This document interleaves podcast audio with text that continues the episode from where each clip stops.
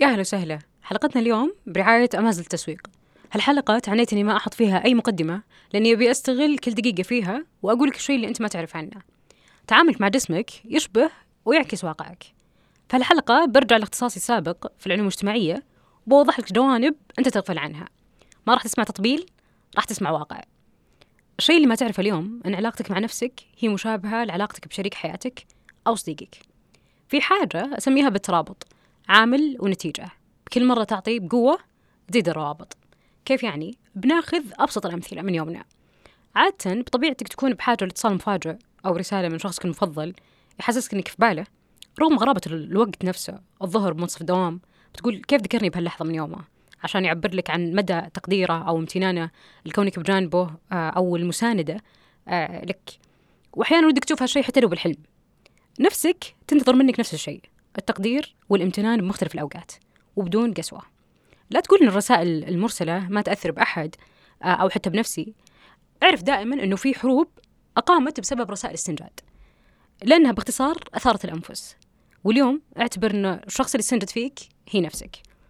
وبالجانب الآخر هناك رسائل كتبت آه، بل قد تصل لمجلدات ولكنها ما وصلت لأصحابها عشان كذا ما أثرت.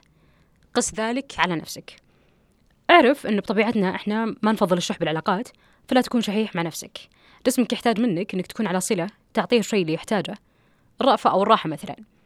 وبالحديث عن الراحة وقت رفعك لأوزان عالية عادة ينتج تمزق في العضل وبالتالي جسمك هنا ينتج مادة تسكن الألم وتهدي النفس. فعشان كذا أبسط الأشياء يمكن تسويها لجسمك أنك تسوي رياضة. كذلك من جانب آخر أنت دائما تبحث عن حافز قد يكون معنوي بشكل عام أو بمختلف أنواعه.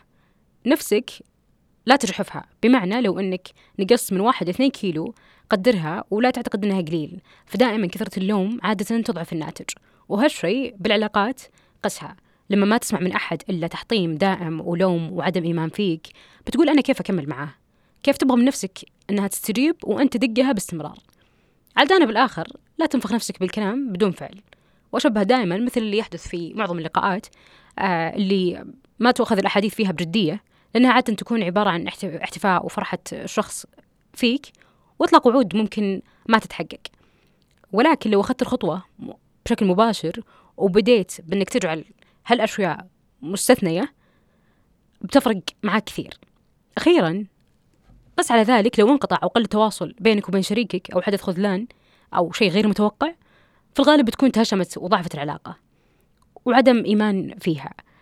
لأنه كان من السهل التخلي عنك. وحينها ما راح تظهر النتيجة المتوقعة. كذلك جسمك إذا أنت ما أعطيته بقدر ما يتمنى حدوثه بيتخلى عنك. لو أنت فكرت بالتخلي عنه وما راح تشوف النتائج. كل علاقة في الحياة بشكل عام علاقتك بأصدقائك بربك بعملك بجسمك تحتاج إلى عمل. الجميع بارع في التمني ولكن اللي يفرق عن الثاني هو درجة كفاحك. أخيرا الإنسان الآخر اللي تبحث عنه عشان يكملك وتقول هذا اللي يشبهني هو ذاتك.